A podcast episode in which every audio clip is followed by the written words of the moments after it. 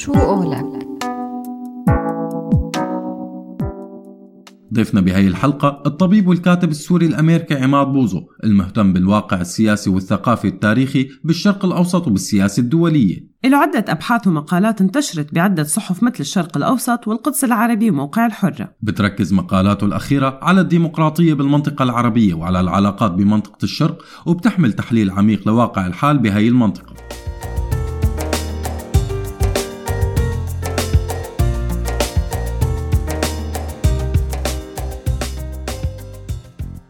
دكتور عماد بوزو أهلا وسهلا فيك. ضيف عزيز ببرنامج من سيرة لسيرة على هوا راديو سوريالي. أهلا وسهلا فيك دكتور. أهلا فيك إن شاء الله موفقين على المشروع الحلو اللي عاملينه. تسلم يا رب شكرا هذا من ذوقك.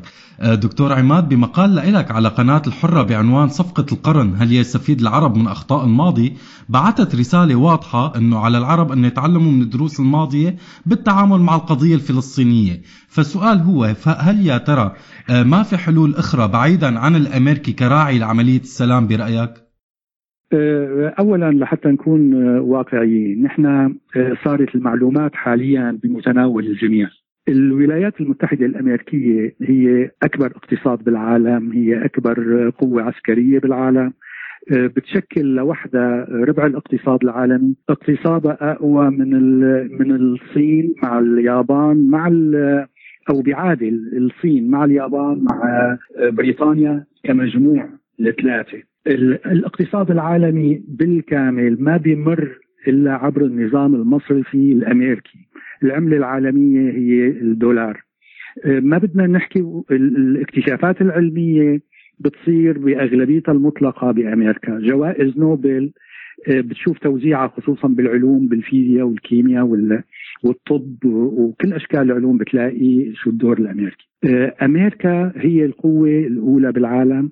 ما نصدق أحيانا البروباغندا اللي بتعملها بعض بتشوف بوتين عم يلعب جيدو وبيساووا إنه انتهاء عالم القطب الواحد. آه، آه، روسيا اقتصادها بيعادل اقتصاد كوريا الجنوبية. وبنفس الوقت هذا الاقتصاد بيعتمد على تصدير المواد الخام. ما له مو مو مو مثل كوريا الجنوبية بتصدر الميكرو تكنولوجي والموبايلات والكمبيوترات والسفن.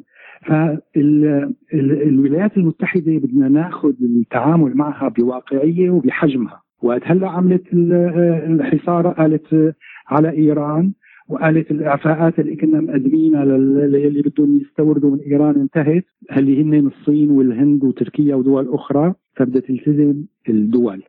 عم تعاقب الصين حاليا. فخلينا نكون واقعيين ونعرف حجم القوة الأمريكية. لكن معرفة حجم القوة الأمريكية مو معناتها أبدا الاستسلام لأي شيء ممكن تطلبه. بس بدنا نلاقي طرق للعمل بدنا نلاقي طريقة لمخاطبة الرأي العام الأمريكي مثل ما عم مثل ما عم تتصرف الدول الأخرى.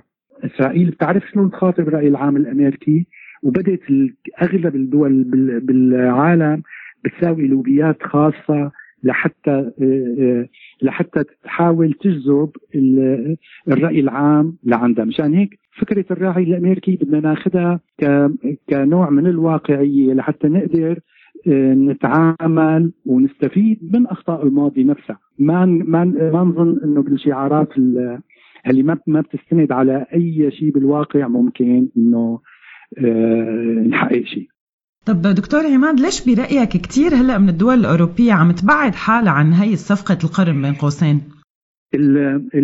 أوروبا آه، لها دور وتأثير أخلاقي كبير بالعالم لأنه هي مجتمع متحضر متطور. لكن القوة الأوروبية اقتصاديا وعسكريا لساتها متواضعة.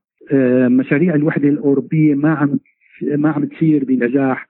صارت البريكسيت وصار عم ينمو تيارات من القومية متعصبة عم ينمو تيارات شعبوية. ف واليمين المتطرف مشان هيك الكيان الأوروبي لسه ما بلور نفسه كقوة اقتصادية وعسكرية موازية لحتى يقدر ياخذ مواقف مستقلة. مشان هيك الدور الأوروبي ما له واضح مثل الدور الأمريكي. آه، في ناحية نحن لازم بس نشوفها من ناحية الدور الأمريكي إنه نحن في عنا إدارة حالية هي من خارج الطبقة السياسية التقليدية. مشان هيك ممكن بتتصرف بطرق غير تقليدية يعني. فأوروبا حاليا أمورها الداخلية عم تاخذ كثير من طاقتها ومن اهتماماتها.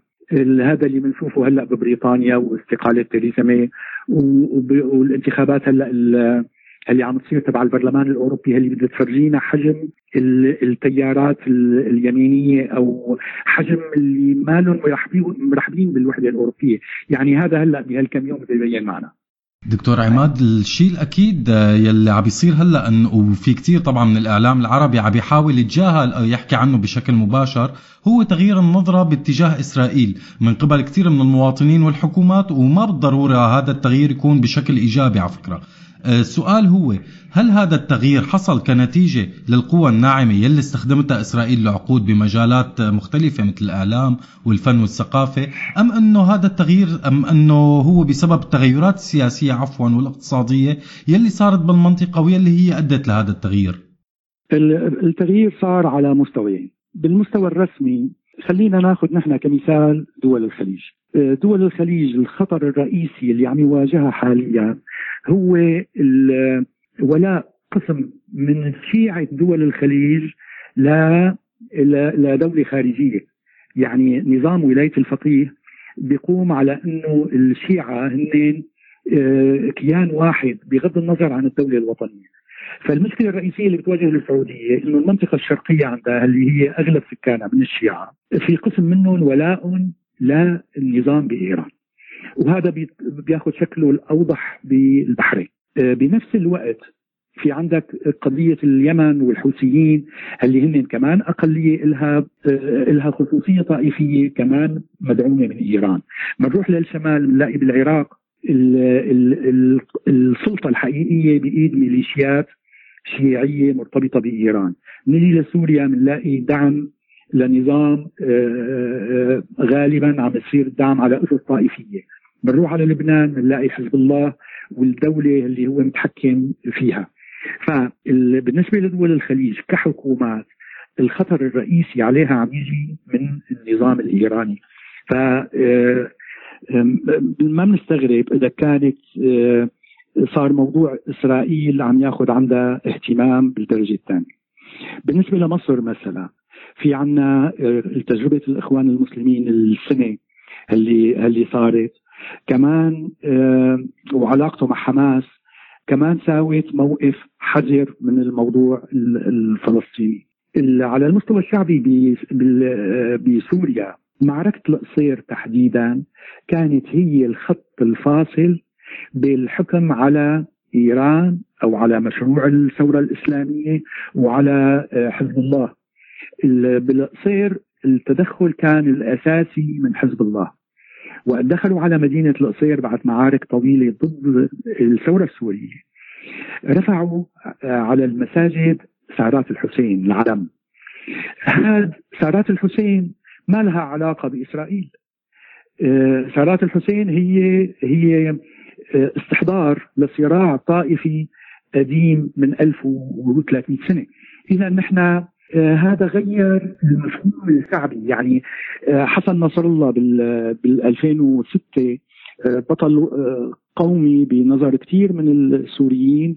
لكن هون بدك تقدر إنه السوريين المجازر اللي تعرضوا لها كمان غيرت أولوياتهم. كمان صار بنظرهم حزب الله هو حزب طائفي غير وطني مرتبط وهو بيصرح وهذا شيء ما له مخفي. بدولة خارجية بيعتبر نفسه جندي في دولة ولاية الفقيه. فعلى المستوى الشعبي في بسوريا صار هذا التحول وهذا صار ممكن نلمسه نحن وقت تصير غارات آه، إسرائيلية على مواقع أو ميليشيات إيرانية أو مرتبطة بإيران. شيء ما عاد مخبى يعني على المستوى الشعبي. لأنه اللي عم يساوي التغيير الديموغرافي اللي عم يساوي المجازر بسوريا؟ نحن فقدنا آه، مئات الآلاف وقريب المليون شهيد. فهذا هذا صار بإيد قوى أخرى فبدهم يعزلون العالم إذا صار في عنا آه، آه، أولويات أخرى. وبعدين في ناحية أخرى إنه حتى التنظيمات الفلسطينية آه، وقفت بأغلبها ضد الثورة السورية.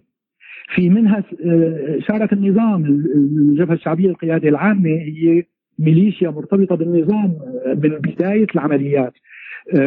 رسائل حماس وفتح للنظام وللمحور الإيراني لأنه هن بياخذوا الشعارات بيعتمدوا على الشعارات إنه هدول عم يقولوا الموت لإسرائيل فنحن معهم بغض النظر عن إنه هن صادقين أو حقيقيين أو عم يعنوا هذا الكلام اللي بيقولوه ولا لا. فهذا التغير كمان آه، صار. هلأ نحن المنظمات الفلسطينية اللي واقفة هلأ مع النظام الإيراني. شو شو بدك تتوقع وقت بده ينهار النظام الإيراني؟ وهو نظام ما عنده مقومات الاستمرار على المدى البعيد فبده يصير مثل وقت صار آه، راح صدام حسين. الفلسطينيين كانوا من أول الخاسرين شعبيا بالعراق لأنه كانوا عم يدعموا نظام ديكتاتوري والنظام بسوريا ديكتاتوري وعم يدعموه والقذافي بكيوا عليه. ف آه، كان آه، كانت أسباب متعددة أدت لأنه المزاج الشارع العربي خف نسبيا تعاطفه طبعا القضية الفلسطينية قضية عادلة هذا ما لازم ننساه ابدا لكن صار في قضايا ملحة أكثر عن شعوب المنطقة.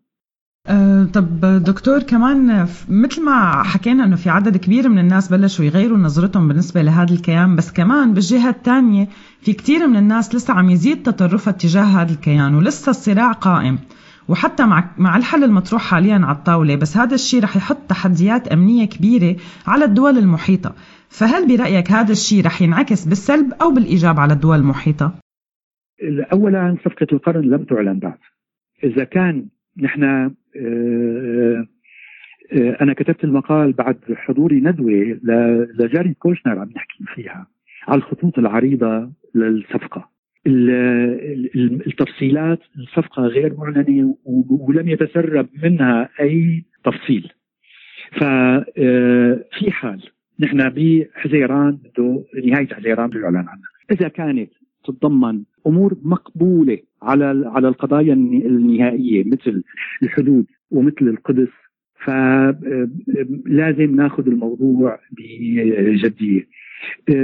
انعكاساته على المحيط أو على دول الجوار لسه ما ما تبلورت شو هي التسويه لأنه بدها تكون بالاضاءه بدها تكون فيها بعض المواصفات المقبولة لحتى يصير بالإمكان تسويقها.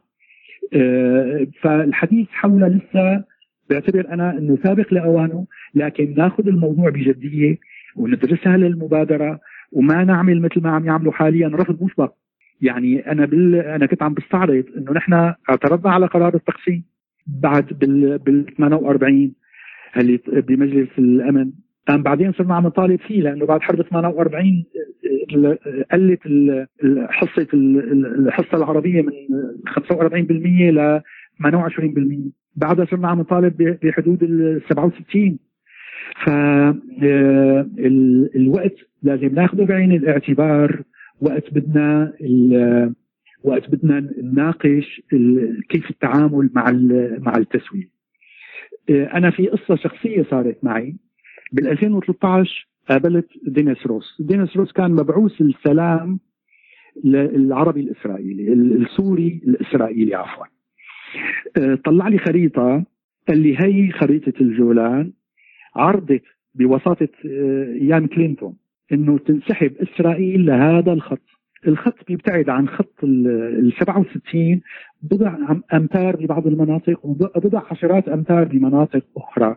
اللي حافظ أسد ما تطلع على الخريطة مو مو تطلع وقبل ورفض. ما ما نظر لها الخريطه ليش؟ لأنه هي الأنظمة بتعيش على على المتاجرة بالقضايا الوطنية. هلأ وقت عم يقولوا الجولان وقت عم وقت انحكى هذا الموضوع كنا بال من 20 سنة من هلأ تماما. هلأ صار في عم, عم إسرائيل عم تضم الجولان عم تيجي الولايات المتحدة تعترف بضم الجولان الوقت آه له قيمة.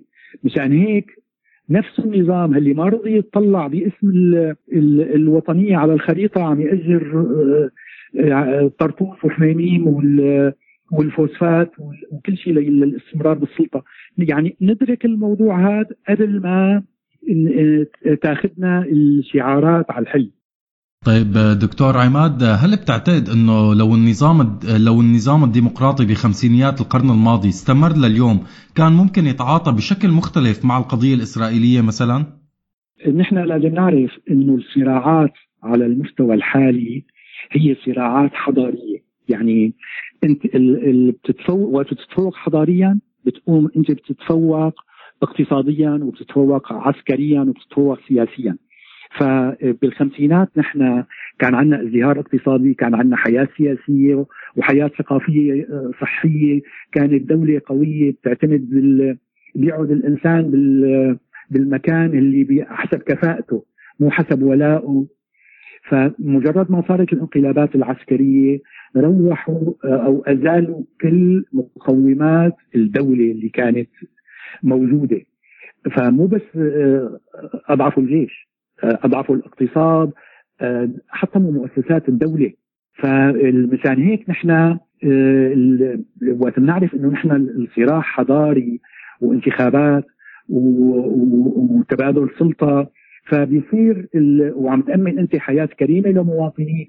فطبعا بده يكون في آه، بده يكون في أفضلية لنا وبده يكون في عندنا إمكانية أكثر للانتصار. ف الموضوع الديمقراطي تحديدا هو اللي عم يضعف موقفنا. آه، صارت بعد الانتفاضة الأولى الانتفاضة الفلسطينية الأولى كانت هي الشكل الحضاري للصراع الفلسطيني مع إسرائيل. مظاهرات اعتقالات آه، للنسوان. ما كان في حماس وتيارات دينية وما كان في آه، هذول لسه موجه الصحوة الدينية والحجابات ما كانت موجودة. فصار في يطلع مظاهرات آه، مشتركة بين نسوان إسرائيليات وفلسطينيات. وبعدها مشان هيك صارت اتفاقية أوسلو. وقت بيكون في عندنا نحن تفوق حضاري. هلا بإيش أمريكا خسرت بفيتنام؟ خسرت حضاريا لأنه الرأي كسب فيتنام وقت كسبت اخلاقيا كسبت الرأي العام الأمريكي. فالمظاهرات صارت في أمريكا. مشان هيك هو الموضوع متداخل ونحن لازم نختار وسائل حضارية للصراع ونقدم نموذج جيد لإدارة بلادنا. وقت وقت اجى وقت عم عم يبرر ترامب اعترافه بضم الجولان لإسرائيل عم يقول شوفوا سوريا شو وضعها. يعني الأفضل للجولان تكون مع إسرائيل من ما تكون تابعة للنظام السوري. وقت صارت اتفاقيات أوسلو وقت انسحب شارون من غزة قامت ما قدمت حماس نموذج بغزة للحوكمة أو للإدارة. ممكن يكون مقبول ممكن يكون قابل للتسويق. ما قدمت السلطة الفلسطينية بالضفه الغربية نموذج مقبول. نحن من من 50 سنة لهلأ في قائدين للسلطة الفلسطينية. ياسر عرفات ومحمود عباس. والوضع ما له ما ما قدموا نموذج مقبول لإدارة آه، بلدهم لحتى آه، آه، لحتى يكون في رغبة للانضمام لها بمقال سابق أنا إحصائيات بتقول لك إنه عرب 48 77.4% منهم ما بدهم يعيشوا بدولة فلسطينية مستقبلية. 77.4 60% منهم ما بدهم الحياة سوى بإسرائيل. فنحن الموضوع هو آه، أنت وقت بتأمن حياة كريمة آه، لمواطنيك فبهاي الطريقة أنت ممكن تصير في طريق ربح معركتك. طيب دكتور عماد بتقول بمقال لك إنه الحضارة الحالية بتقوم على قاعدة إنه الهدف من أي قرار سياسي هو توفير حياة كريمة سعيدة للفرد يلي هو الوحدة الأساسية للدولة والمجتمع. هل برأيك هاي الحضارات الغربية عم تشتغل على هذا الشيء حتى بالنسبة لبقية شعوب العالم؟ نحن لسه ما وصلنا للمرحلة الإنسانية. مثل ما عم تشوفوا هلا بالأجواء الانتخابية محل ما لكم قاعدين بفرنسا عم عم تنمو التيارات القومية أو الوطنية يعني آه، أو الانعزالية عنهم بالعالم. لكن ما زال الفرد هو هو الأساس بال بال بال اللي بيحاول الأحزاب السياسية تكسبه وبتقدم برامج لمصلحته. يعني الفرد الفرنسي هو وسعادة الفرد الفرنسي هو هدف الأحزاب السياسية الفرنسية وكذلك بأمريكا الهدف بيكون سعادة المواطن الأمريكي. فمشان هيك تلاقي الحملة الانتخابية بتنخاض على على قضايا ثانوية. يعني ممكن آه، تكون حول الاجهاض ممكن تكون حول التأمين الصحي ممكن تكون حول كلفة التعليم. يعني آه، على هذا الأساس بتصير الحياة السياسية الأساس تأمن سعادة للفرد. من زمان أو بالدول الشموليه آه، بيموت الإنسان ليحيا القبيلة أو الطائفة أو الوطن أو الدولة. هون مو مقبول يموت الإنسان. بدك تأمن سعادة الإنسان لأنه هو اللي بده ينتخبك بالوقت بالوقت بده يجي آه، فترة الانتخابات. فالكلام الخطابي العريض السابق آه، ما ما بينطبق على المعطيات الحالية.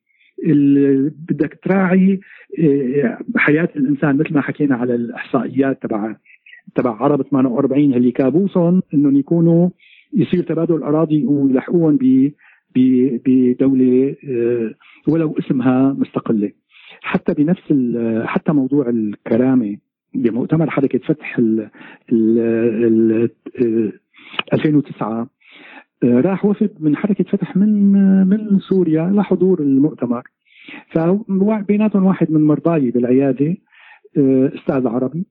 راح لهنيك رجع قال لي أنا برام الله الحاجز الإسرائيلي بعده عني 10 آه، امتار شايفينه وشايفنا لكن أنا كان إحساسي بكرامتي هون برام الله أكثر من إحساسي بكرامتي أنا أو أنت بدمشق.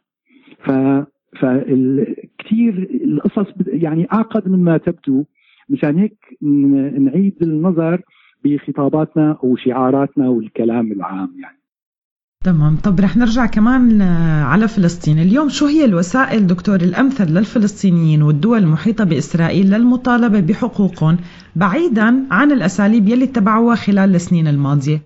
هلأ قلت لك قبل شوي اللي كان النموذج الناجح هو الانتفاضة الفلسطينية الأولى.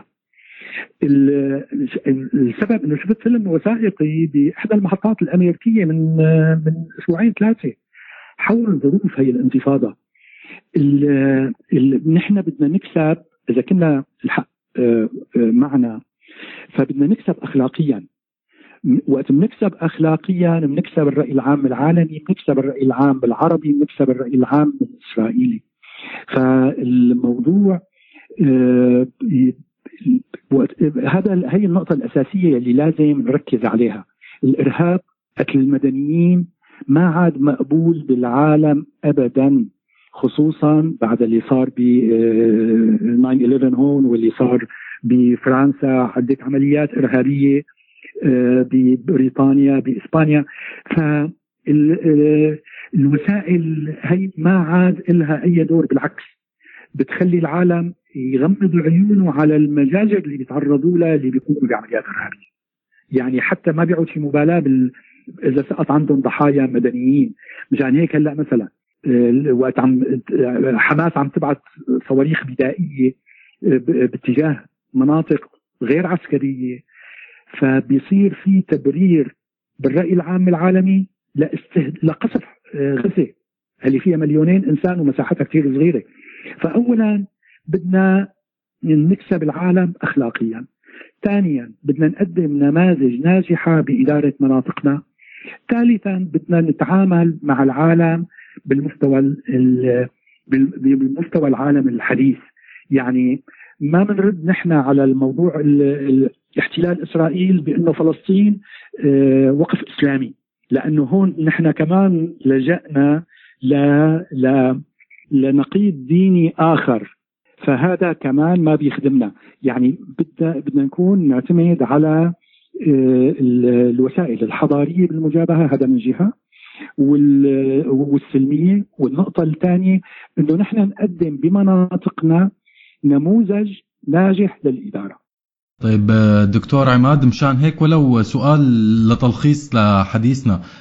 هل برأيك أنه يكون الإنسان واقعي سياسيا بهذا الزمن هو الأمثل للبقاء أم أنه أحيانا لازم يكون في شوية أحلام وأمل؟ الحلم بده يكون في طريق لتحقيقه لحتى ما يكون حلم. يعني بده يكون في خارطة طريق لتنفيذ الحلم.